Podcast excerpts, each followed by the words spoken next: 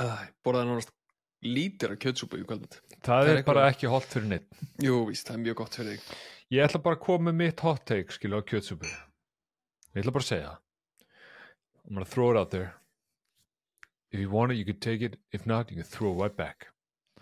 Kjötsúpa er ofmetin. Nei, kjötsúpa er rosalega ofmetin matur. Ég skil ekki að píli við kjötsúpu bara, og vesin, vesin er vesin er, ég veit að ég er ekki meira hluta hérna sko. Ég er ekki meira hluta og ég gerir mig grein fyrir því og það er bara stundum allt í lagi, skilur. Maður verður að standa á sínu. Og af hverju fólk elskar svoðið kjöt með gúrkum og kartöblum gúrkum eða þú veist kartöblum og eitthvað sétti, ég veit það ekki skilu, þetta er alltaf eins, þetta getur alveg svo gúrkur, þetta getur fokkin seller í mér alveg saman hvað þetta fokkin er. En þú veist, svoðið sitt, hver elskar svoðið sitt, eina sem er gott svoðið eru pulsur, ekkert annað. Nei, það er ekki rétt. Það er ekki rétt, sko kjötsúpa er svo íslenskt Þetta er svona afgangur á lambakjöti sem engi vil borða. Rófur, kartöblur Oft Mm. mm. hrísgrón líka eitthvað svona Nú, já, talaðu um mig, óþykki strákur. Ó, þetta er svo gott. Uh, Sérstaklega, þú veist, það var eitthvað við veðrið í dag sem var geðveikt, geðveikt veður. Love it. Sem var að sagði bara, mmm, kjötsúpa ég ætla að hafa með kjötsúpu, ég ætla að hlýja á mér iljarnar með kjötsúpu. Hún er góð. Þú getur líka að hlýja þér bara þú veist, sleppa að vera úti skilur, vera inni. Inni hlýtt, sko. Inni hlýtt, úti kalt Já, ég var samt inni, minna sko. úti ég var samt inni, sko Ég veit það ekki, skilur við, ég skil súpu sem konsept fyrir það að keep you warm, skilur Já, og, og það er allt í góðu. Ég get alveg tengt við það. já, þú gefur þína blessun á því, það er gott kjötsúpa sem einhver svona, þú veist, og svo eru svo margir sem elska það. mm Þú veist, Viktor hérna, sammeili vinnur okkar, hann elskar kjötsúpu, hann gekk svo langt með það hvað hann elskar kjötsúpu mikið, hann opnaði kjötsúpu vagn með frænda sínum í miðbæ Reykjavíkur og voru að selja fullu fólki. Já, átti hann það? Já, ja, frænda hugmynd. það. Briljant hugmynd, af því að sko kjötsúpa, er þér það? Er hún- það er að með það? Er hún að að ræða það? það er bara augljóslega tímaleysi eða eitthvað, að þetta er briljant þegar þú ert drukkin sko, því að þetta er allt sem þú þart þetta er allt sem þú þart, þú er búin að vera að dæla áfengi líka með þín fær kolvetti, fær prótir, fær saltið fær allt tilbaka, vakna dæn eftir BAM, nýr maður Nei, veistu hvað, ég ætla frekar að halda mig við bara um, kaldan hlölla helmingin á hann og svo vakna ég alltaf auðvitað, svo vakna maður alltaf við hliðin á helmingnum, hinum helmingnum þetta ekki eftir því? Þú veist, hinn helmingun á hlöllunum, eða ég lenda alltaf annað reglur því. Skilur þú veist, þú ferð í bæinn og vongóður um að finna þetta um um fyrir kvöldið, það gerist það svolítið aldrei ekki að því að þú ert ekki af sérmennandi og heldur. mm Þannig að kvöldi enda klukkan fjögur, hálf fimm á hlöllabot og síðan í leifbröðin og þú nennir ekki að borða hlöllan skilur í röðinni like an animal en þú, en þú vilt fá hlöllan en á sama tíma viltu líka komast heim sem fyrst þannig að þú færið hlöllan og svo fyrir beint í röðina en röðin er auðvitað alltaf lengri en þú heldur og gengur hægt, gengur alltaf mjög hægt þessi leifbröð, það er óþægilega, það er eiginlega óþægilega hvað gengur hægt. Þannig að þegar þú ert komin heimtíðin í Mósesbæða sem ég á heima þá er, þá er skilur 40 mínútur liðnar 50 mínútur síðan þú fegst þér hlölla skilur þannig að þú veist, þú ert ekkert að fara í þetta heilan kaldan hlölla þú kemur heim, það er alltaf mikið. Klukkan er líka orðin hálf sex og þeir líka bara að svo en þú færðir eitthvað nokkra bita, þú ert búin að borga fyrir hlöllan skilur, þú ert búin að borga fyrir hlöllan og þú verður að borga eitthvað mat að þú ert futtur skilur, annars, annars eru ónýttu dæri eftir. Þannig að þegar þú ert búin að borða veist, helmingir hlöllan þá ertu bara veist, eða, ég er bara satt í leikur skilur þannig að þú vaknar skilur, þú sopnar bara með hlöllan við hliðina og svo vaknar stundum bara veist, og hlöllan er komin út um allt rúm skilur því þú ert að hristast og eitthvað e, í söfni veistu hvað ég meina? skilur, skilur hvað ég við? hvað ert þú að gera við þennan hálfa hlölla? hvað gerðir við hálfa hlöllan þegar þú varst drukkin? Ég veit, sko, ég, ég veit eitthvað, það eitthvað ekki sem mér langar ekki að vita sko. ég veit ekki, en sko en, en hálfi hlöllin sem er eftir, hann er alltaf áminning um vonbriði gerkvöldsins skilur við já, hann er er- eitthvað er er Ég veit, eitthvað og- kynferðislegt hjá þér. og svo vaknar þú skilur og þú, ert- þú ert svangur skilur þannig að þú, og það er hlöllið hálfi jétin við hliðin á þér. Myndi í ekki, einhver- myndi ekki taka bita honum. En þú gerir það, þú ert desperate skilur. Mm, ekki, er ekki með hvernig hérna- þú ert búin að fara með hann. Já, þú veist, jú, jú, þetta er svona eins og þú veist, þú vaknar ógslaþunni og það er vatn við hliðina, en þú manst ekki eftir að hafa sett vatn á það, og þú hugsa hvenær setti ég vatn er þetta viku gamalt eða, hvað er þetta, hvað er þetta vatn gamalt eða, þannig að þú bara, eh, ég er desperate ég er drying up right here í það vatn, og nú drekku vatnið, skilur og það er oft bara, skilur vesen. Þannig að eh, ekki bara hlöllan sem þið skildu eftir. Vistu þú, ég drakk, eru, að ykkur allir þetta myndi maður það. Myndi maður fokkanum gengur hérna á. Einhvern sem var hérna, ég ætla að segja þessu ég hérna, var, var, er, hins sagan búin eða? Sagði það búið sko, Ok, ok, hlöðla sann er búin, þú veist, Ok. bara hey, don't eat yellow snow, er rauninni þú veist, punktu já, já, sögur, einmitt. En hérna Æðislegt. ég hérna lendi ekki tjóni fyrir mörgum ár síðan þegar ég var á, á, á föstu reyndar líka. En hérna þá kom ég heim og ég, ég, ég fór snemma heim úr, úr ykkur vinnupartí af því að ég var bara ég, aldrei svona, þá var ég bara mjög fullur. Mm -hmm. þannig að í staði fyrir að fara í bæinn þá fór ég bara heim kljóðan eitt. Ég var bara ógesla fullur og ég bara kem heim fyrir bara beint upp í rúm fyrir svo svo vakna ég bara tveim tíma setna og ég er, ég er drying up skilur eins og maður lendir í. Og ég greip eitthvað sem ég held að væri vatn við hliðina á mér nema það var naglalakar hinsir Í maður. Og ég sett hann upp í mig. Ói. Og ég, ég held að þetta væri vassflaska sem var svona kristir þannig ég Já. drakk það en ég kyngdi ekki og bara svona og hrækti svo öll út um mér og ég bara hvað í fokk er verið að skema? Og svo sopnaði ég bara. Og ég man það eftir þessu skilur ég, þetta, þetta, er, þetta er minning sem að haunts me forever. Ég á mjög svipað sögu, ég var einu svona 11 að 12 ára gamall heima og uh, Fullur? Nei, ég var ekki fullur. En uh, ég var heima og ég var að borða eitthvað og það, það stóð í mér. Og ég hleyp inn í eldús og hérna uh, gríp hérna sprætflösku. Af því að ég, ég hugsa að ég er fljótari að opna þessa sprætflösku heldur en að taka glas, setja vatn í glasið og drekka glasið og ég menna spræti bara gott skilur Já, já, þannig að ég opna sprætið, tek stóran gúlp og uh, spýti í svo allu út um mér af því að hérna, þá sem sagt kvöldi áður hafði bróði mömmu og einhverju vinir hennar verið hjá okkur ég stoppaði að því við byggum nýri bæ og stoppuði þeir þar og, og held þess áfram og skildu orð eftir sem sagt halva lítra vodka í sprætflösku mm, mm. Já, og ég mig greip grunaði þetta og, og hérna uh, tók stóran gúlp af þessu. Já. Þetta er hættulega leikur sko. Þetta er mjög hættulegur, ekki drakka eitthvað sem þú veist ekki hvað er. Nei. Og líka ekki sérstaklega þegar það er hjá vaskinum að býða þarf að hella sér sko. Já Og ekki ef að þið er að fara í partí eða ekkert alltaf partí, eru bara að fara kannski í heimsók til uh, vinkurnaði vinnar sem er börn. Ekki koma með áfengi í hérna flösku, ég hef Hey, gert það. Já, já, já, ég, hef, ég kom eitthvað með ég var svona, ég átti hálfa lítur vodka ég týndi honum ekki, ekki öllum. Þannig ég fór með þetta í, ég man ekki kók, nei ekki kók, þetta var sprætflaska það sást ekki alveg hvað þetta var og svo setti ég þetta bara í ískap hjá honum og svo náttúrulega kláraði ég þetta ekkert okkar. Svo einmitt lendan í því að dóttir hans gerði nákvæmlega sem þú gerir.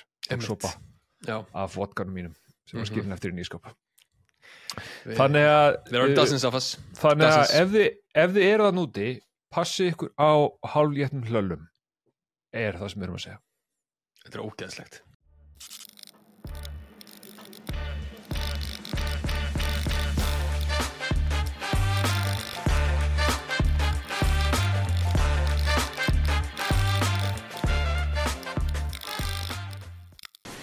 Here, this map is going to be your guide to North Shore. Now, where you sit in the cafeteria is crucial because you got everybody there. You got your freshmen, ROTC guys, preps, JV jocks, Asian nerds, cool Asians, varsity jocks, unfriendly black hotties, girls who eat their feelings, girls who don't eat anything, desperate wannabes, burnouts, sexually active band geeks, the greatest people you will ever meet, and the worst. Beware of the plastic. Mér langar að byrja á því að segja uh, hvaða vol er þetta fín flaska svo þú ert með er eitthvað þegar við, manstu þegar slókun okkar var við drekkum hvítin og tölum við bíómyndir? Já, ég var nætti því Já, Það er- eru, Við vorum að er byrja, langt tímandi, tímandi þróast En þú ert með kvítið flasku núna, sé ég. já, ég er með hvítin, ég stal svo á mögdu, Já, ég, hún bara í, í hreinski. Já, já, hún heimtar endar í kaupi aðra, sko. Já, Já, allir neðist ekki til þess. Já, ég sjáum til Sjá til. Ég Samt gefi henni bara ánægju, Já, nákvæmlega setur Svona ekki í- verða það. Nei, ég mitt er í mjög litlum skömmtum samt en Já. um, Þetta er samt í taktu myndina um, Það sem ég ætla að byrja á því að segja nefnilega einmitt, er að hérna, veistu hver uh, Lorne Michaels er? Þetta er það ekki? Uh, þetta er nafn sem ég hef heyrt áður Já. Uh, en ég get ekki sagt þér hver þetta er nei. Nei, þú sást nafnið hans í byrjun á myndinni. Produced by Lorne Michaels. Þetta er satt maðurinn sem að- er satt maðurinn sem bjóð til hérna Saturday Night Live já, og stýrir því ennþá og hefur alltaf í gegnum Mm. tíðina verið maðurinn sem að tekur allar ákvarðanir í þættinum hverja hann ræður inn hver, hver, hver, eftir áhörna pröfum og annað slíkt mm og alltaf fyndið að hlusta á þú veist það eru sumir sem eru með podcast sem hafa verið í SNL áður. Og þeir eru alltaf allir með eitthvað svona geggjar Lawrence sögur af því hann er vist mjög sérvitur já, um, hann framleiðir þessa mynd. Uh, Ok. ástæðan fyrir því er, er svo að, að þegar að þessi mynd er gerð eða skrifuð þá er Tina Fey, þú veist nú hver Tina Fey er? Ég veit hver Tina Fey er. Þá er hún í Saturday Night Live. Já, þannig að þessi mynd er til svona Saturday Night Live framleiðsla en Tina Fey skrifar sem sagt þessa mynd og leikur í litla hluturkíni en þetta er fyrsta og eina handritið að kvikmynd sem að Tina Fey hefur nokkuð sem að skrifað. Mm en hún var head writer af SNL á þessum tíma. Og Lauren Michaels sagði mér þessi að nýverið í viðtali að ef að einhver ætti að taka við SNL af því að hann er orðin gamall kattinn sko, hann er orðinn 79 ára gamall. Já, ef einhver ætti að taka við SNL þá væri það Tina Fey ok. Ég skilja mjög vel sko, hún er mjög fyndin. Það er mjög fyndin. She's a very funny girl. Ég var að taka eftir núna þegar ég skrifaði Mean Girls inn á IMDb. Að að Lindsay Lohan var í henni? Nei, ég sá það nú bara hérna, með augunum. En eh, kom út önnur Mean Girls mynd á þessu ári? já, hún, er, hún var, var í uh, er í bíó, var í bíó. Uh, er á leiðin í bíó. Eitthvað, eitthvað, eitthvað af þessu Sem er bara nákvæmlega sama myndin og hinn. í nánast, já. Nánast. það er aðeins svona meira diverse color í The Mean Girls. e, já, en þú veist, ekki bara það. Ég reyndar ekki, það var, hún er náttúrulega... Eh, um, sko, það er náttúrulega málið. Uh, að þessi mynd er skrifið á Tínu Fey eftir bók sem að Rosalind Wiseman skrifaði sem að heitir hérna uh. Queen Bee and nei uh, Queen Bee in the Hive. uh, já, eh, Queen Bees and the Wannabes Ok, Queen Bees and the Wannabes helping your daughter survive cliques The gossip Plastic. Ah, Nei, cliques, gossip, boyfriends and the new realities of girl world mhm. uh, og Tina Fey tekur þessa bók og segir ú, sniðu hugmynd. Og Universal segir yeah, Tina Fey búðu til þessa bók í bíómyndaútgáfu. Og Tina Fey segir yes, ég ætla að gera það. Nema það að þessi bók kemur svo í ljósa er ekki skáldsaga. Já, þetta er, þetta, er, þetta er actually guide þú veist, já. hvernig þú átt í alvörunni að hjálpa táningsstótiðinni mhm. í gegnum breyta tíma. Uh, þannig að hún situr uppi með þessa bók og uh, þetta, þetta, þetta græna ljós á þessa bíómynd og er ekki með inn á sögu. Þannig að hún þarf að skrifa sögu kringum hana. En í aðalhuturkum eru Lindsay Lohan, Rachel McAdams, Tina Fey Amy Poehler Amanda Seyfried uh, hún hérna Lizzie Kaplan sem leikur Janice Ian sem er ekki svo sama og er hann í Two Broke Girls þó að séu ógeðslega líkar. Þetta er ekki sammála mér að Ég veit ekki, ég skildi ekki orðaði sem þú varst að segja um okkur núna. Lizzie Kaplan Lizzie, Kap Lizzie Sem leikur- Kaplan. Já, sem leikur Janice, goth vinkonunnar Já, Þetta er ekki svo sem er vinkona Natalie ne- Portman í Thor, skilur En þær eru ókslega líkar, finnst það ekki? ég hef ekki séð Thor. Nei, hverju þess tala við um einhverja bíómyndir sem ég ekki séð? já, já, Ef við hefum ekki hort á hana, þá hefum við ekki séð hana. Rule of, rule of thumb Býtu, af hverju segir þetta svona? Lizzie Kaplan. Hún heitir Lizzie Kaplan Hvernig heitur hún það? Hvernig heitur hún ekki bara Lizzie Kaplan? Já, meina það Já, bara þetta er, þetta er rétt að Nei, nei, þetta er borðið fram, Hún er- hún- fram Kaplan, sko Ég hef, ég hef oft talað við hana Ég er alltaf að Hún tala er frá bandaríkjunum, sko. Já, ég er alltaf að spjalla við hana Þetta Hún- hlýtur að vera Lizzie Kaplan. Nei, ég sagði mitt við hana, Lizzie, vinkona mín, besta vinkona mín, Lizzie Kaplan Uh, og hún er eitthvað, nei, no, no, no, no Miss Kaplan! it's, it's Kaplan Miss Kaplan! it's Lizzie Kaplan og ég eitthvað, sorry, sorry, sorry Ég held þú væri að gera eitthvað svona, svona pretentious douchebag shit þar sem þú hafði eitthvað tímann hérna hort okkur YouTube-vídeó og segja bara, so how do you pronounce your last name? Og hún var bara, it's a plan. Og þú var bara, já, ég ætla að muna þetta. En það er ekki eins og það, þú ert bara heimskur. uh, ég veist, Hætt að segja þetta, þetta er bara skrítið. uh, hún, En er hún er dóttir Danny DeVito Það er hún ekki. Nei, hún er ekki En, en hérna, ég skal viðkynna að ég kve- kveikti ekki á því hver þetta var, sko. Ég sá bara þessa leikunni í þessari bíómynd sem vorum að horfa og hérna, flott og blessa. Ég veist, var ekki átt að með að þetta sama gæla og leikur í Fifty Shades of Grey. Já, já, Lizzie Kaplan Hún er ekkert í 50 Cents of Grey sko Ha? Nei, nei, það er, það er Dakota hérna, Fanning, hvað heitir hún? Nei, nei Dakota Helgi- Johnson Þetta, ó, Dakota Johnson er í 50 Cents of Grey Dakota Fanning er allt önnur sko Það er hérna já, það já, þær eru mjög líkar samt. Já, já, já, það eru líkar og svo líka hún hérna sem er í hérna Thor sem að, uh, það eru allar þetta er, þetta er eitthvað þetta er eitthvað samsæri í gangi sko Þetta er svolítið svona eins og hérna Það er Kat Jamie Dennings Presley og uh, hérna hún hérna Margot Robbie Margot Robbie. og My Name is Earl hérna Já, það er Jamie Presley. það, það er Jamie Presley Já. Já, ok, ég, það, það er alltaf eitthvað fjórar sem eru svona settar á mynd saman Já, þetta er einmitt og líka hérna uh, hver, hver er aftur sett, settur með já, Katy Perry og hérna uh, hún hérna Æ, hver var það? Nei, ekki, ekki hérna ekki, sko, þetta er svo ömulegt Zoe Deschanel Já. Það eru líka alltaf að setja saman. Katy Perry og Zoe Deschanel Þetta er eitthvað. Mm. Þetta er eitt stórt saman Við séum að þetta eru allar dætur Danny DeVito. Ég vissi það ekki.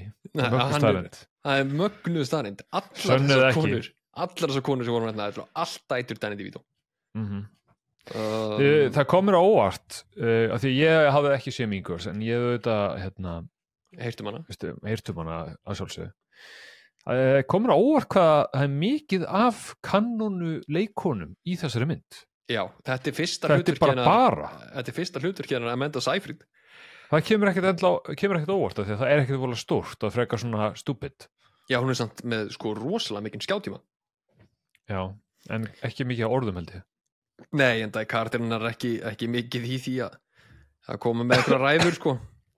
Nei, hún á að vera heimsk, það er, það er, það er sem hún á að vera. Já, Hvað er ég? Þú ert heimsk. Einmitt. Já, ok.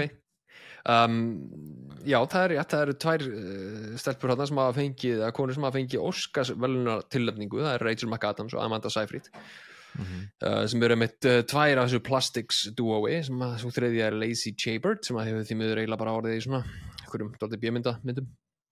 Já, uh, en þetta er líka fyrsta uh, ekki Disney myndin sem að hérna Lindsay Lohan leikur í.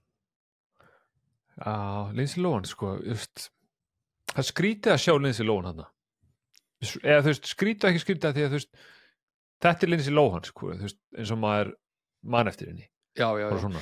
Það er eitthvað Um, við Lindsay Lohan sem að hefur gert það gegnum árina þegar ég sé myndir af henni hún náttúrulega er orðin góð aftur núna sko, en þegar maður sá myndir af henni á sinni tíma sem hún var að vera svona uh, í neyslu, basically, Já, þá hunsa ég það bara. Já. Af því að ég vildi ekki að þetta myndi eðilegja hérna, Hún lítur, veist, ég er, ég er að googla hennar Lindsay Lohan 2023, hún lítur mjög vel út. Já, hún, hún er búin að koma ágætlega vel út úr þessu sko. Bara, hún bara lítur, hvað er hún að gömul? Að því ég manna bara eftir hann ég, ta- ég myndist að það við um daginn hann Parent Trap sem ég held reyndar að héti Twins þegar ég talaði um hann síðast. Emitt, Það var eina af þessum myndum sem ég horfði á oft þegar ég var yngri, það varst vola krúllega Lindsay Lohan maður, hún er 37 ára, hún er einu ára eldur en ég. Já, sér það hún er einu ára nú. eldur en ég. Hugsa þér, hún er, hún, hún er einu ára eldri en þú. Uh, hún er búin að fara í kringum rosalega ævi full af áfengis og eitthulögnislu samt Mhm. ert þú bara í svo miklu verra ástandi. Hérna, þetta kemur úr hörðust átt. Herra, herra 40 ára. Gilvi, þú ert 7 ára ég. Það myndi engi trúa þig. Já, já, sjáum til með það. Það myndi engi trúa þig uh, ekki þú raka hérna að skeggið og láta þessu sért eitthvað voðalega mikið clean teen babyface skilur við vitum öll hvernig ert. Við- það er allir hérna sem er að hlusta bara að hlusta á eitthvað lengi eflaust. Og hérna við vitum öll að þú ert old sack of shit. Nei, það er ekki rétt. Ég, er, Mm. ég, er, ég, skal, ég skal taka með sack of shit uh, hlutin, hlutaninn hérna ég veit ekki með old, allavega, ok, whatever. Uh, ég held að fólk séu að missa viti að því að við erum búin að vera hérna uh, örrandi og ummandi hérna í, í korter sko. Uh, sko það sem ég ætla að segja við þig er að þessi mynd kemur út árið 2004 hún er skrifað á Tina Fey, þetta er fyrsta myndir sem hún skrifar á síðasta líka, aftur um búti þá hefur hún haldið sér rosalega uppteknir í árin við það að endur skrifa og skrifa og gefa út aftur Mean Girls, að því að Mean Girls kom út 2004, sló gegn, sló rækilega í gegn og er ennþá í dag að mínum að þetta bara með bestu svona tínmyndum og romantísku gamanmyndum sem þú getur mögulega að horta á. Uh, Mhm. eldist brjálagslega vel, það er vissulega mjög margir svona iffi brandar í henni en hérna, með ef hann kom út 2004 og á þeim tíma þá var ekkert aðeim hún kostaði 17 miljón dólara og hefur grætt 130 miljónir uh, ástæðan fyrir því að segja að Tina Fey hefur endur skrifað og skrifað aftur og gefið þetta út aftur og aftur og það er ástæðan fyrir því að það kom önnur mynd. Það er svo að kom út söngleikur. 2014, 10 árum eftir upp, útgáfu upprunalega myndarnar Mhm. og fyrir söngleikin þá endur skrifaði Tina Fey myndina uh, með lögum auðvitað en uppfærðan líka í leðinni og svo núna þegar myndin er að koma út sem byggðir á söngleiklum, sem byggðir á myndinni sem Tina Fey skrifaði uh, þá er hún búin að uppfæra hana í, í þriðja skipti. Þannig að þótt að sé vissulega eina og, og fyrsta og eina kvikmyndahandriti sem hún skrifar þá hefur hún vissulega skrifað þrís og sinnum. Mm. Uh, þetta er það vinsælt. Já, þetta er það vinsælt. Og ég meina, þú veist það er alveg þetta merkilegt, sko. Ég veit að það er ekki dóla merkilegt fyrir þig að því að þú til dæmis þurft alltaf að skrifa nafn eitt þrísvar að því þú kannt ekki að skrifa og gerir alltaf villur. En fyrir hana Er, þá þa hún er þetta þú að reyna að vera eitthvað skilur þú veist, þetta ferðir ekki. Þetta er bara að bleika bólnuðinum og tala Ég- bara um staðar ástæðan fyrir því Og að ég verið með bleiku er Hvað að því að dag er er miðvikudagur. Það er þetta og on Wednesdays we wear We pink. were pink. Já. Ég er ekki bleiku.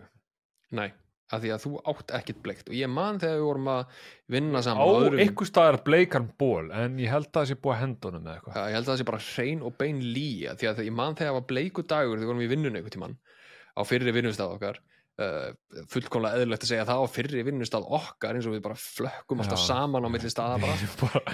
Uh, það er bara, ímyndað er ömulega lífsákvarðanir sem við höfum tekið til að enda hérna alltaf saman. En ég man að það var bleiku dagur þú mættir í vinnuna og það var eitthvað hvað er bleikadraslit og þú liftur upp buksunuðinum og það var svona rauð rönd á sokkunuðinum og þú sagðir hérna og þetta var bara Mm. umurlegasta afsökun fyrir bleikan dag sem ég hef á Nei, sér ég var í, ég var, ég var í hérna bleiku fjaraftreyjunni Já, rétt þér, ok. Já. Ekki þú, Uh, sko, ekki þú reyna sko, ég ætla bara að segja sér þú ert ekkert skárri heldur en stelpunar í þessari bíómynd. Þú ert bara að semja eitthvað hluti, ertu með bók ykkur þar sem þú semur bara hluti um allt fólki í kringu því sem þá enginn má sjá og að því allt er auðvitað kannski þú ert að fokkin mín boy bara, gilur, er það sem ég er að segja Uh, en ok, um hvað snýst þessi mynd? Um hvað fjallar hún? Hún fjallar sérst um Lindsay Lohan sem að er frá Afríku uh, en þú veist hún er frá Bjó í Afríku, en hún er samt ekki frá Afríku hún ólst upp í Afríku Mhm.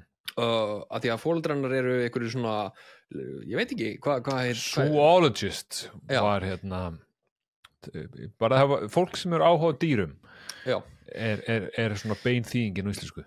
Og þetta er basically þetta er basically plottið á Nickelodeon þættinum. Með uh, fjölskyldinni sem er með raukt hár kallinn sem er með stóra nefið og svona ottóta skeggið. Og veist alveg hvað ég er að tala um. Googlaði Nickelodeon Africa Show segðu mig hvað þetta heitir. Uh, en finna er að, að Lacey Chabert sem leikur Gretchen hún talar The fyrir Wild stelpur Thornberries. Já, Wild Thornberries. Hvað heitir Já. eftir pappin í því? Ég veit ekki Ég... googlaði fyrir mig, segðu mig hvað. Ég var Cartoon Network maður á sín tíma, ég var ekki í Nickelodeon uh, svo sem að leikur Gretchen hún talar sem sagt fyrir stelpuna í þeim þáttum.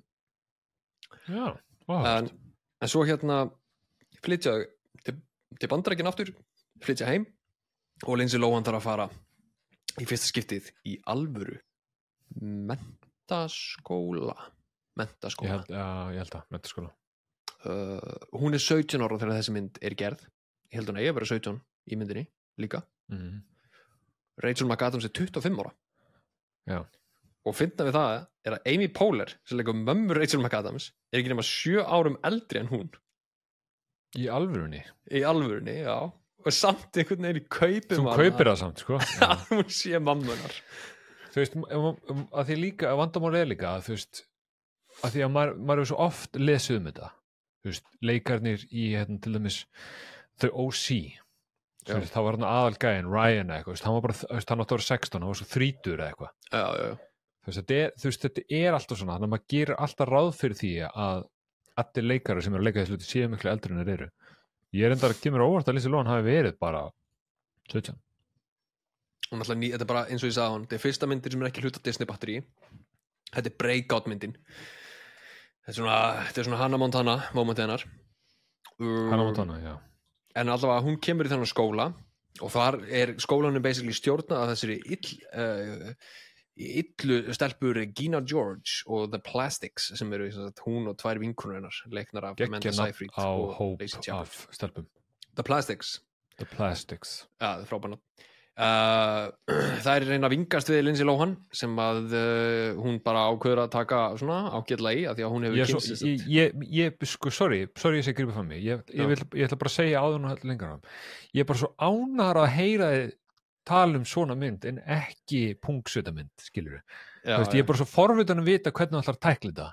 Uh, hafðu það bara í huga ég er að fylgjast með uh, halda áfram Þetta er að setja fokkin press á mig þetta nei, nei, en, en bara talaðu um le, leita okkur áfram, Sigur Ok, allavega hún hefur sérst vingast við þessar tvær arti típur uh, sem að segja já, vingastu við The Plastics og við skulum eiðalegja lífið þeirra því að það eru virkilega hræðilegar.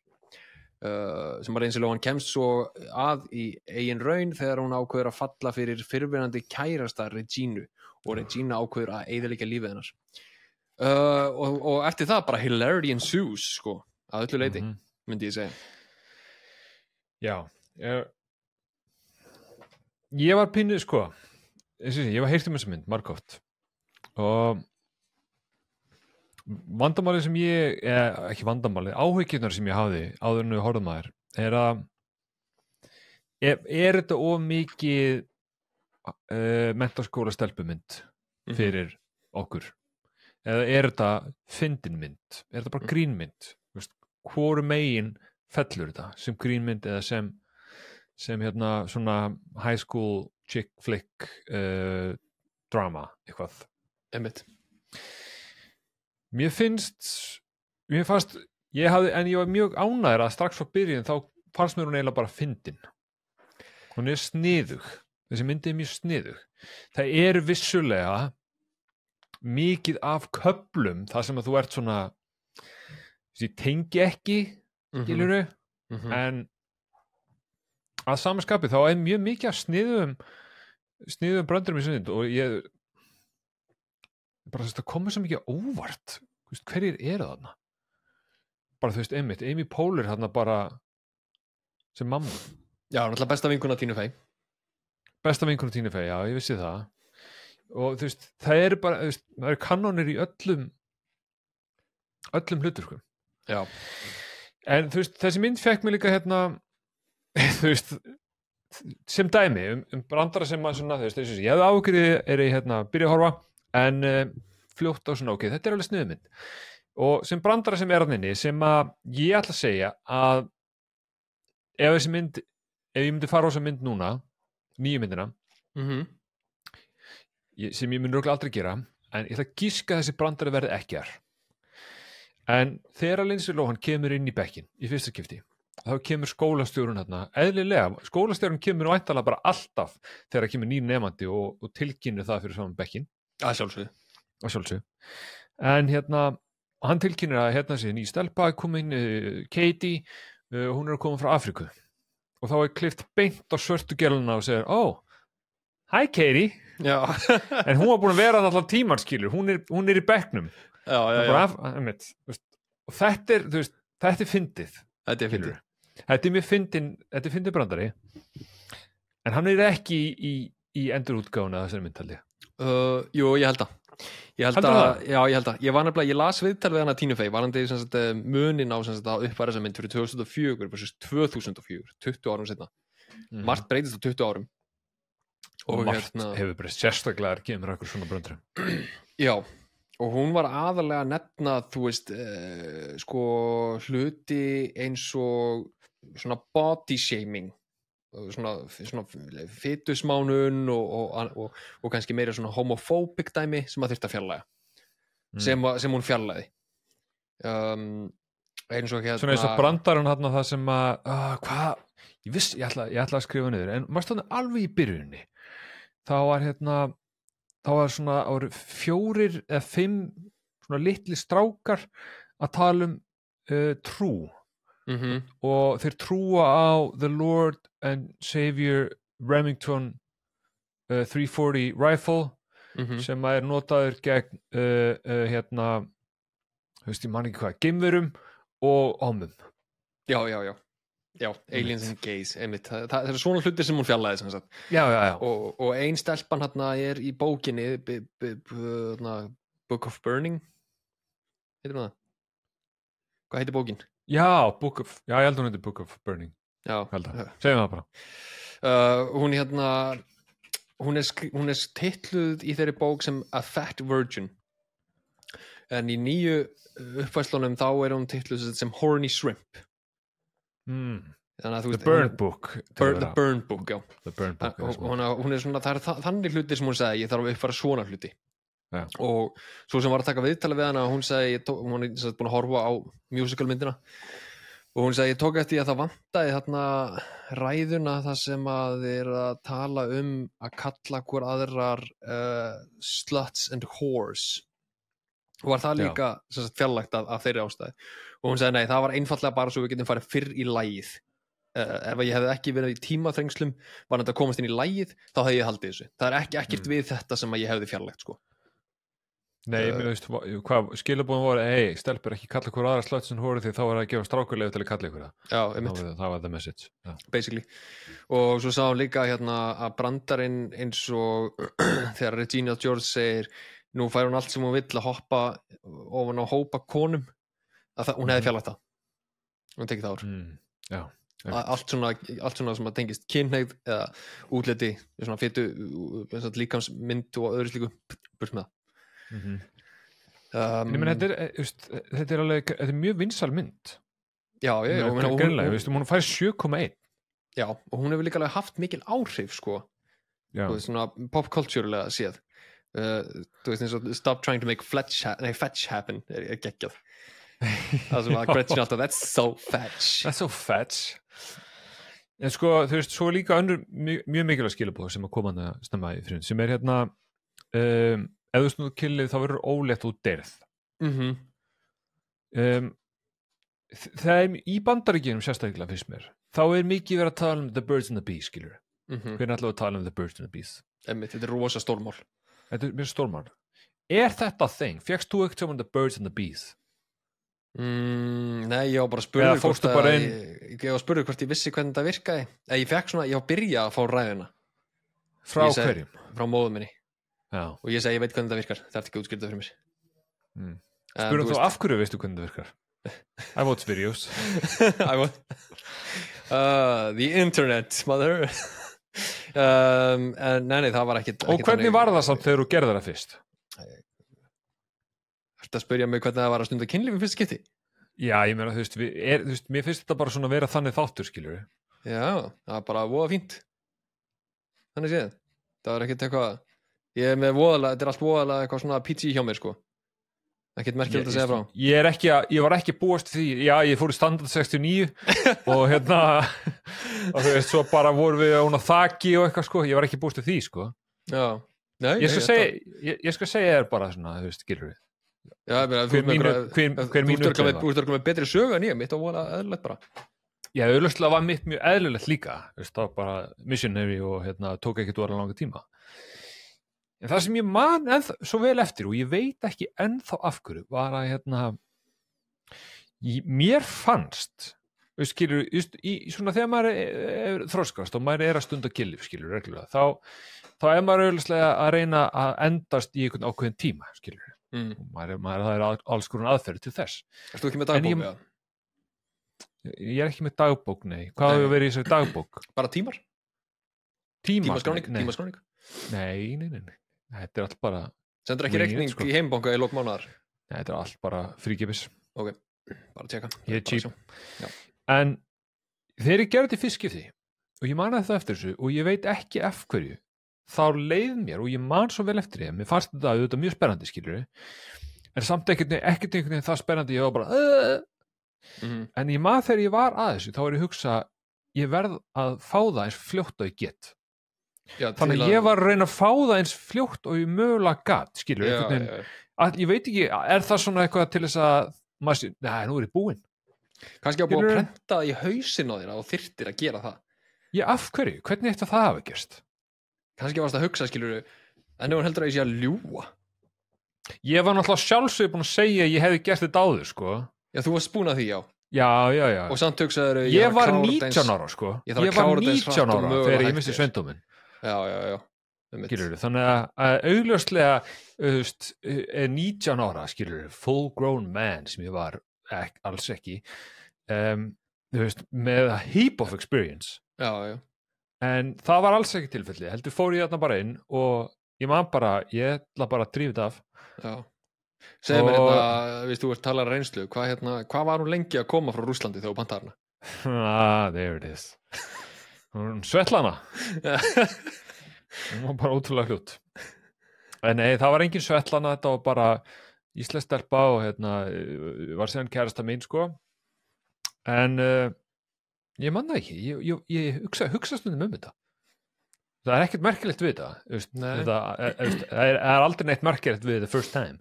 En þessi hugsun er eitthvað svona ég, ég fyrstum tilbaka skilur Þetta er mjög aðteglisvægt sko að því að þú laugst því að þú væri búin að gera þetta áður.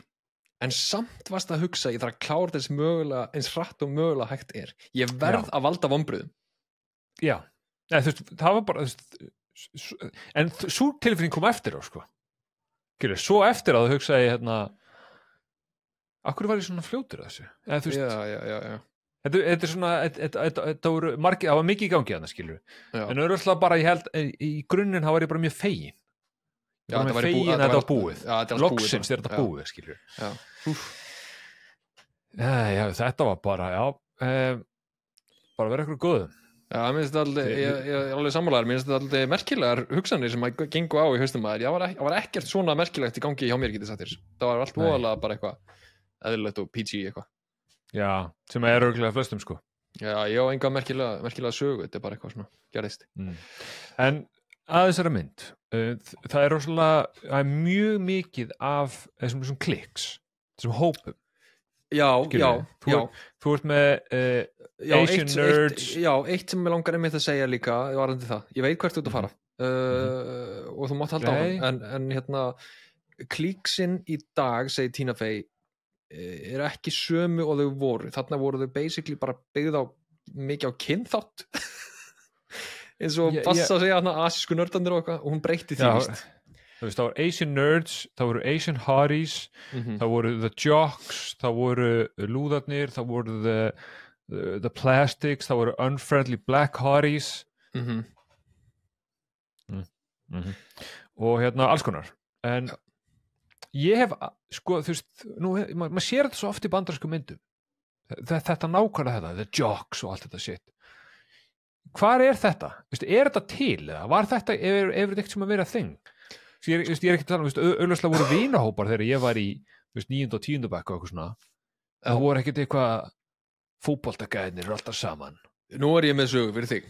ah, Nú, nú, nú get ég actually talað af ykkur. ah, Alveg, sko, því að hérna... I'm a, sit back and relax Já, önnur saga varandi vombriði sko uh, það hérna ég skipt um skóla þegar ég var á leiðin í unglingadeild uh, og náttúrulega gjössanlega heila þeim að bandarískum kveikmyndum og kveikmyndagerð mm -hmm. og ég hugsaði mitt sko því að ég var á leiðin í nýjan skóla uh, í unglingadeild sem áttundi bekkur og hugsaði að sko nú hljóta skólanir að fara að verða eins meira eins og bandaríski skólar meiri svona og hópaskiptis. eitthvað. já, við Já, förum öll já. einhvern veginn aðeins að verða meira svona minna svona krakkar og meira þú veist einhvern veginn bara svona, sko, svona fótboltastrákundi saman og þessir uh, lúðar saman og eitthvað svona.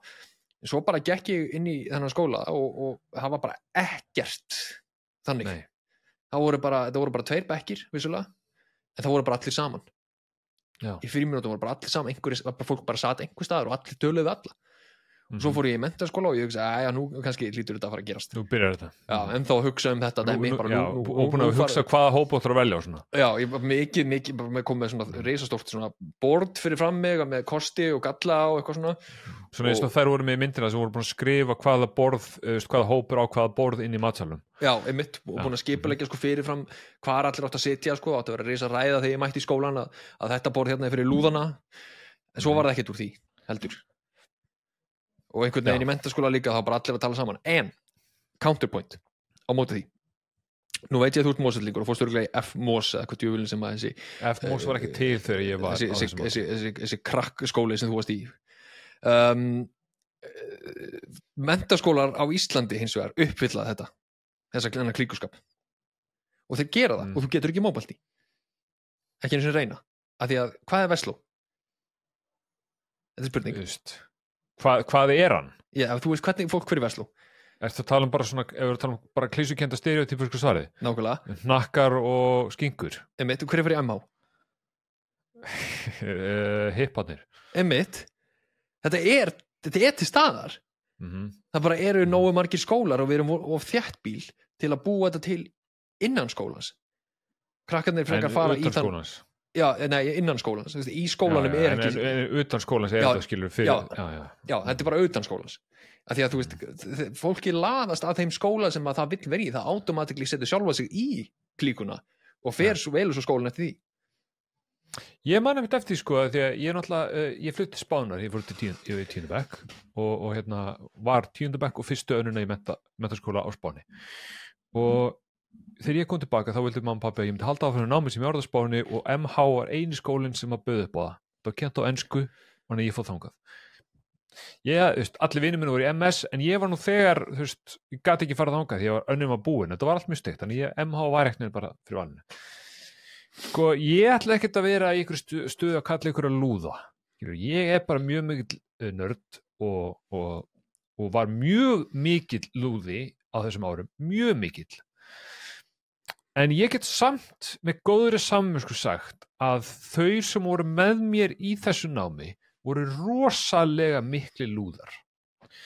Og í þessu ennsku námi þá? Já, þetta var semst ennskunám en, og vandamáli mitt við það og ástæðan fyrir ég segi þetta er að því að ég man ennþá eftir þessu. Skilur, ég var að verða 17 ára eða eitthvað þegar þetta gerist, 17 ára, já. Þú veist, það er 20 ár síðan þetta gerist tæp og ég man að ég sat eitthvað tíma, við vorum ekki mörg í þessum bekk, við vorum kannski bara 7-8 eða eitthvað. Og ég man svo innilega vel eftir því þegar ég kom að þinn og ég, mér, ég átti ekki heima þannig, sko, ég fann það bara á mig leið ekki, en ég satt á borði og fimm af þeim sem voru með mér í þessu námi sátu á borðið hlýðna, þetta var bara styrir út í matsal og þau voru alltaf að tala ensku um frönsku byltinguna í sínum spare time. og ég man, ég horfði á þetta, ég man ennþá eftir þessu ég hugsaði, hvað í fokkanum er ég að gera þetta? voru þau Þetta- öll Íslandingar eða?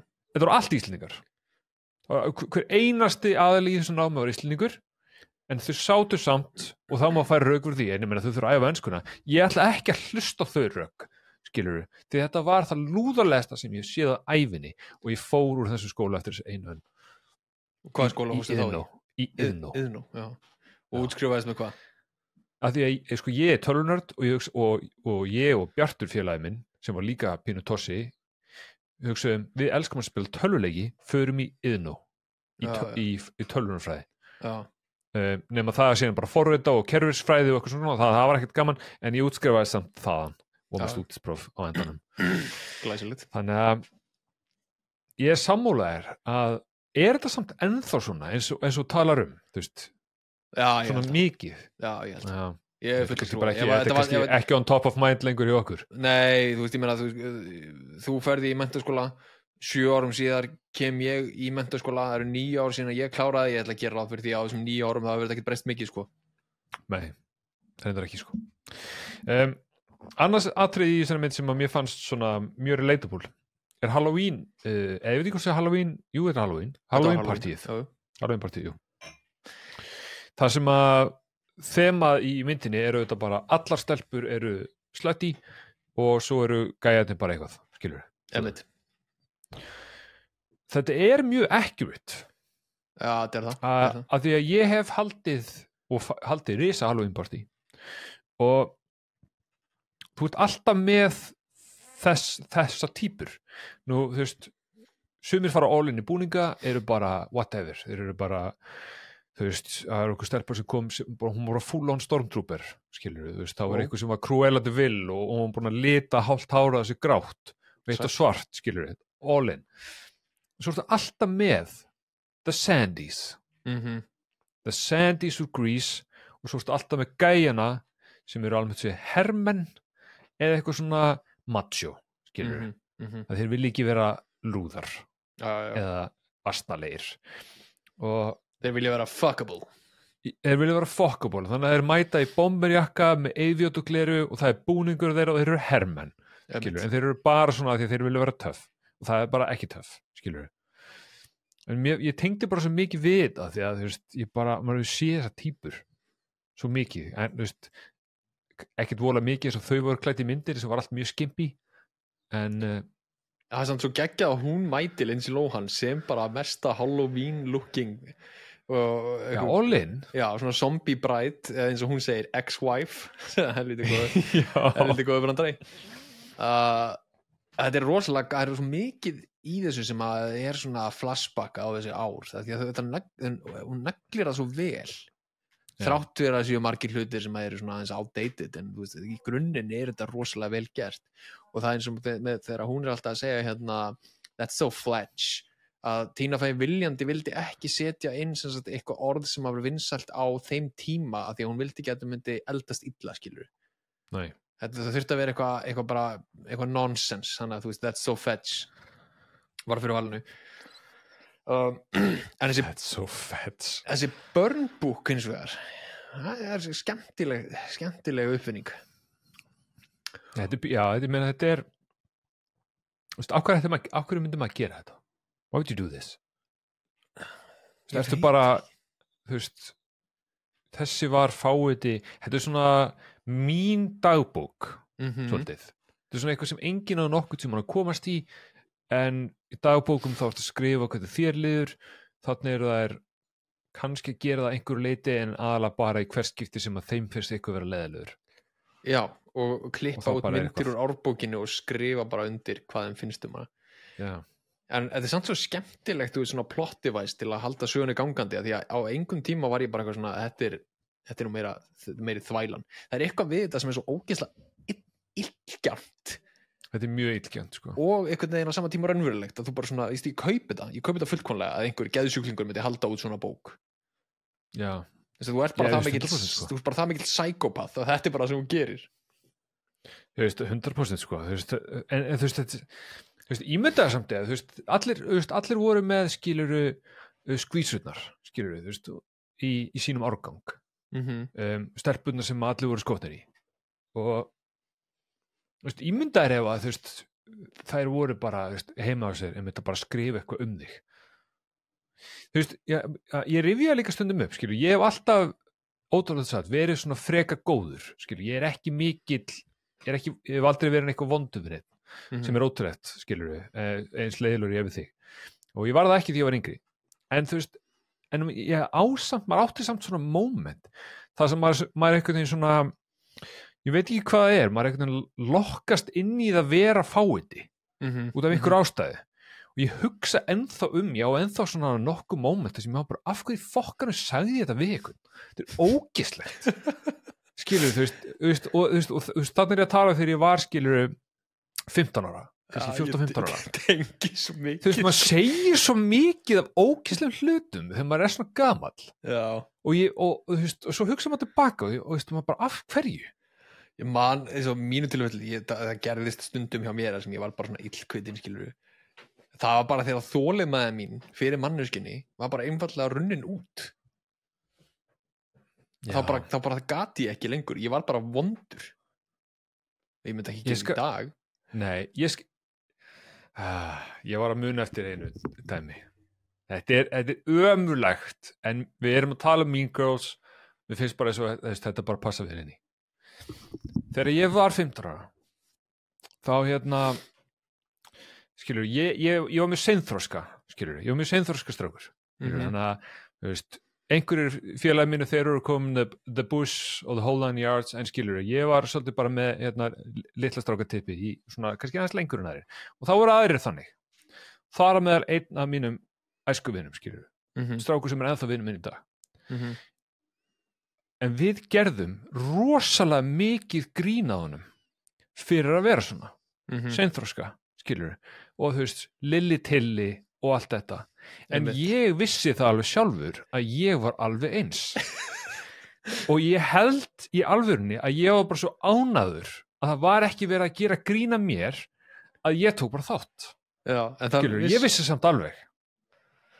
Það vissu það allir aðrir eða? ég veist, þetta var þú veist, þú veist við vorum allir í íþróttum, skilur, vorum allir í sundi og allt hann, svona, hann var bara skotmarkið. Hann var bara skotmarki, skilur já, já, og þú veist, ég hugsa tilbaka hvað maður var fucking leiðilegur við hann. Einmitt. bara þetta er gali sko þú veist. Ég var, bara- bara rifjit upp. Þú veist, ég man, vorum eitthvað tíman hérna við vorum eitthvað tíman ég, hann og einn annar vini minn og við vorum eitthvað þetta er svona random minningar sem eru bara, er bara poppuð bak hérna, guðmund góður, en allavega við vorum hérna, vorum að lappum og vorum eitthvað svona slá á lærin okkar búið til svona eitthvað svona takt. Og, og þá segir hérna þriði vinnur okkar, hei, við getum bara við ætlum bara stóðan hljómsvita eitthvað, við styrum alltaf 14 ára eitthvað. Og ég segi, já, við ætlum að kalla hana two guys and a girl. Út af því að hann er með okkur.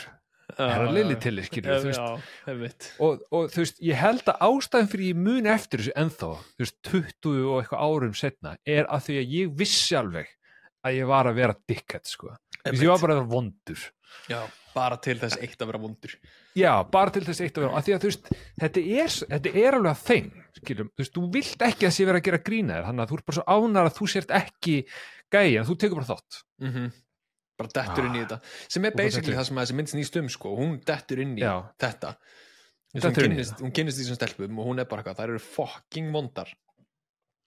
Og svo því meira sem hún umgengst þeim og byrjar að gera grína á öðru fólki með þeim því meira líka þeim við hana þannig að allt í einu eins og vinkonunnar sem er vinkonunnar í byrjun segir bara, þú veist, heyrðu, þú ert orðin fucking leðileg manneskja sko.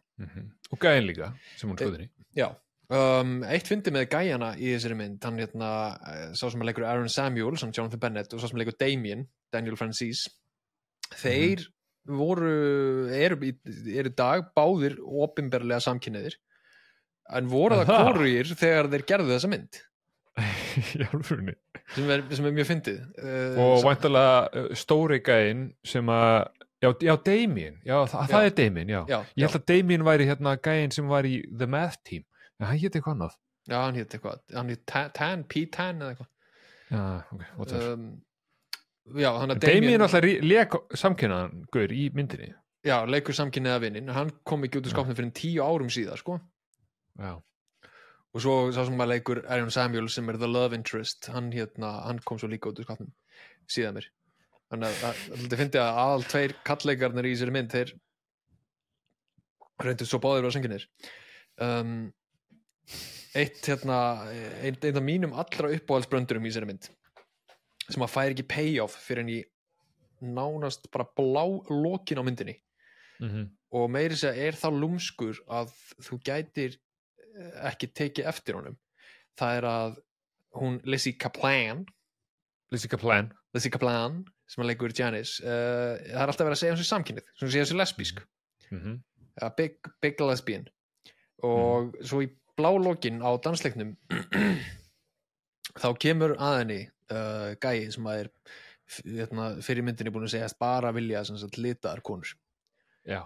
kemur að henni og segir hérna hvaðan ert þú og uh, hann, hún You're from segir South America, right? já, you're from South America, right og hún segir, I'm Lebanese uh, sem að er sem sagt ástæðan fyrir því að allir segja hún sé lesbian hún er ekki Já. lesbian, hún er Lebanese Já, ég skil, ok. Ég, er s- ég tók bara, ég tók bara, af því að hann segi, hann segi fyrir myndinni, I, I, I only want women of color. Emitt, emitt Skilur, hún er náttúrulega alveg bara mjög hvít, sko. já, En af því hún er Lebanese, já, þá er hann til. já, þetta er sem sagt málið. Hún er Lebanese. Og þetta er hérna ástæðan fyrir því að fólk segir hún sé lesbian mm þetta er mjög, þetta er Eh. mjög góðu brandari. Þetta er, hérna, þetta er, það er auðvelt að hérna, skilja hvernig þessi mískilningu getur átt sér stað. já, myndi, og líka eitt svona brandari sem er í þessari mynd sem er svona bara mín brandari skilur, í rauninni, mm er að þegar þau eru í, hérna, í starffræðikeppninni já, uh, hún loksins samþykir að vera með the math team, kemur hann upp af, af pótjunum, þau eru fimm saman hún fjóri gaurar og hér megin er alveg slið, stelpa á fjóri gaurar. Og kennarinn hann að kemur upp að henn og segir ja, sem betur fer getur þau einbytt þér því það er ekki einn sætur strákur hérna hinum megin. Og svo er klift á atrið á svo greiði strákar sem allir eru bara hver annar þú veist, ómyndalegri Meiri veist, sem- bara að mögulega með einhverja fæðingagalla sko. Já, já, eitt er að vara alveg öruglega með eitthvað fæðingakalla og þú veist, þú hugsa bara, that's so mean. That's so mean, þú veist. Sér skila, þú veist, karatinn er yfir myndinni það er myndin bara að vera mín já, hún er bara að segja að þeir eru bara ljótir. Já, þeir eru ljótir, þannig að hafið engar áhyggjur hún mun ekkert vera spáðis þeir, þeir eru ögli þetta er svona 2004 dæmi en Það- ég, ég heldina lítið, varst ánægð með þessa mynd, hvernig varst þér hún? Og Það eru gaman að þessu. Þú veist, já, já. Ég hafði alveg gaman að þessari mynd. Um, hún var alveg stundum aðeins svo mikið mentaskóla stelpu drama fyrir mig. Já, já, við kynum það alveg en uh, það er alveg mikið skemmtilega bröndur í mínu uh, þú veist, hún er náttúrulega skrifið af Tínu Fey og Tína Fey er mjög skemmtileg og mjög fyndin. Og ég veist, ég myndi alveg uh, þú veist, ég sé ekki eftir að horta þessum nei það er líka held ég bara eitt og sér að uh, 36 ára kallmaður segist ekki hafa séð eftir að horfa á myndum táningstelpur í, í mentaskóla það er bara helviti stórt hrós út af fyrir sig sko. það er það sko, þú veist er ég að fara að horfa hann aftur, örgulega ekki en skiptir ekki máli. Um, það er bara fullt af weary bröndurum hann og ah, algjörlega sverið já, og alla leikonunar líka sem eru náttúrulega sjálfsögur risastórar í dag þær eru allar ótrúlega skemmtilegar. Það er Það bara, er ótrúlega- kast, kast í þessari mynd er bara mjög skemmtilegt. Já, þetta er bara drullu gaman að horfa á alla vera saman hann, þetta er náttúrulega mikil SNL framleiðsla þannig að þeir eru náttúrulega laðað sér alveg, alveg stór nöfn. En Mhm. Lindsay Lohan samt bara svona smá staðarind í lokinu, Lindsay Lohan var ráðin inn til að leika Regina George. The Mini, The aðal Mean Girl. Mini aðal Mean Girlið uh, og hún ákvað svo að frekar taka að sér hlutverkið uh, sem að hún leikur í þessari mynd af því að hún vildi ekki að almenningur myndi líta á sig sem Mean Girl. Mega sense, um, svona með við hvernig hún var á þessum tíma. Já, alltaf nýkomin úr Disney-dótinu, hún ákvaða að fara ekki alveg sömu leið og hérna og hún gerði með Hannah Montana þar sem hún ákvaða að vera bara nakin alls þar og reykja gras og eitthvað. Vanessa Hudgens. Ha, Nei, hann á ta Nei, Miley Cyrus. Miley Cyrus? Já, og Vanessa Hudgens var ykkur öðru Hún var í High School Musical eða eitthvað. Ég, ég, ég öruglega svo öll saman. Já, alltaf. Um, já, þannig að þá var hérna, þá var hún ráðin uh, hún Rachel McAdams í, í hlutverkið uh, sem Regina George og uh, gera það bara úslega vel. Og minnst að það svo fyndi Já. að Amy Poehler sé bara sjö árum eldri en hún, hún leikur mömmunar í sér mynd. Ég mynda er þú veist að vera Amy Poehler. Labba on set og segir Er þú að leika dóttir mína? Hvað er Já. það gömul? Er þú 25 ára? Einmitt, ég er 7 árum heldur en þú, þetta er frábært. Einmitt. Þetta er frábært alveg, Lít ég, svo- hvern- segðu mér hvernig, hvernig lít ég út, segðu mér að satt. Gilur, einmitt. Uh, Pól er líka svo geggjað karakter í þessari mynd hún er svona, þegar myndin snýst alltaf, þú veist, í mentaskóla það er allt svo stórt, skilur, allar tilfinningar Mhm. er svo stórar og svo miklar. Og það er allt einhvern veginn bara svona, þú veist, ef við kemst ekki þetta partí þá er bara lífið búið. Og Mhm. Amy Poehler er svona manneskjan það sem að eftir mentaskóla þá gjörsanlega er ekkert í gangi í hennar lífi. Auðvitað er hjónabandið bara drastl og Mhm. þú veist, hún á enga vini þannig, þannig, að eina sem hún gerir er bara að reyna að halda í æskuna í gegnum þessa greiði stelpu, sko. Já, bara eld, eldir hana. Já. Þú veist, lappar inn á hana þar sem hún er ofan á kærstunum og bara, you guys want some sandwiches? Love you guys. Love you guys. Er svo bak við hana hana í myndatökunni. Ég Hvað er taka hérna? mynd. reyna að vera með eitthvað.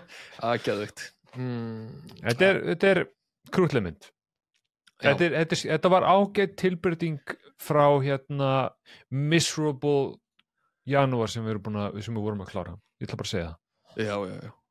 En nú ætlum við að sameina uh, Miserable Januar og þennan uh, Cutesy februar sem við erum að taka í eina mynd sem að heitir hérna Forgetting Sarah Marshall uh, ástæðan fyrir ég að segja að hún sé miserable er að því að hún fjallar um Jason Segel sem er ný hættur eða nýbúa dömpunum og hann fyrir til Hawaii til að komast í annað umhverfi og, og, og fá að vera þar og sirkja í friði nema hvað að uh, stelpan sem að dömpa á honum sem leikin af Kirsten Bell hún er bara þar á staðnum með nýja kæristunum sínum.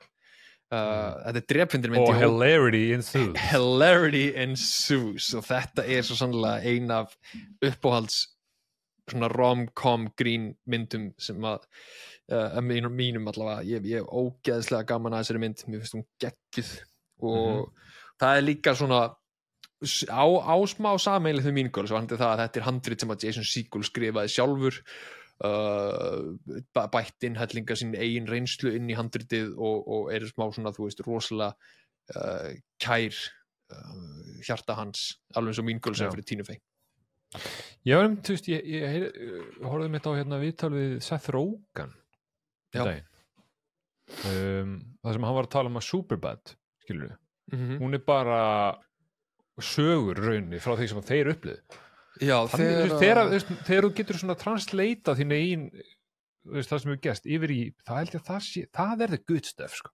Það er, það, þá færðu það er the good stuff já, vissur mér þess að Superbad uh, að Seth Rogen skrifaði handritið með það í huga að hann væri að leika karakterinu sem að Jonah Hill leikur. Já, en svo bara liðu árin og liðu árin og liðu árin og hann fattaði að hérna, þegar myndi fór loksins í framleiðslu að hérna, hann er hann alltaf gammal Já. þannig að hann leik hann er löggan. Já. já. Ég, ég vissi það ekki. Ég vissi, ég vissi það ekki, en veist, Superbad er bara, veist, geggjuð. Fucking amazing, sko. En ég er spenntur, ég er bara, ég er all in í rom-com, við erum bara pínu romantískir februar, skilu, við, hei, lefalettur, skilu, við, það er ekki alltaf punksettilegt á okkur. nei, nei, þetta er the, the summer of love sko. er Það er summer fokkin janúar og mínur þrjákar og fokkin gul viðvörun, það er ekkert summer of love hérna. sjáumst í næstu ykkur Bye!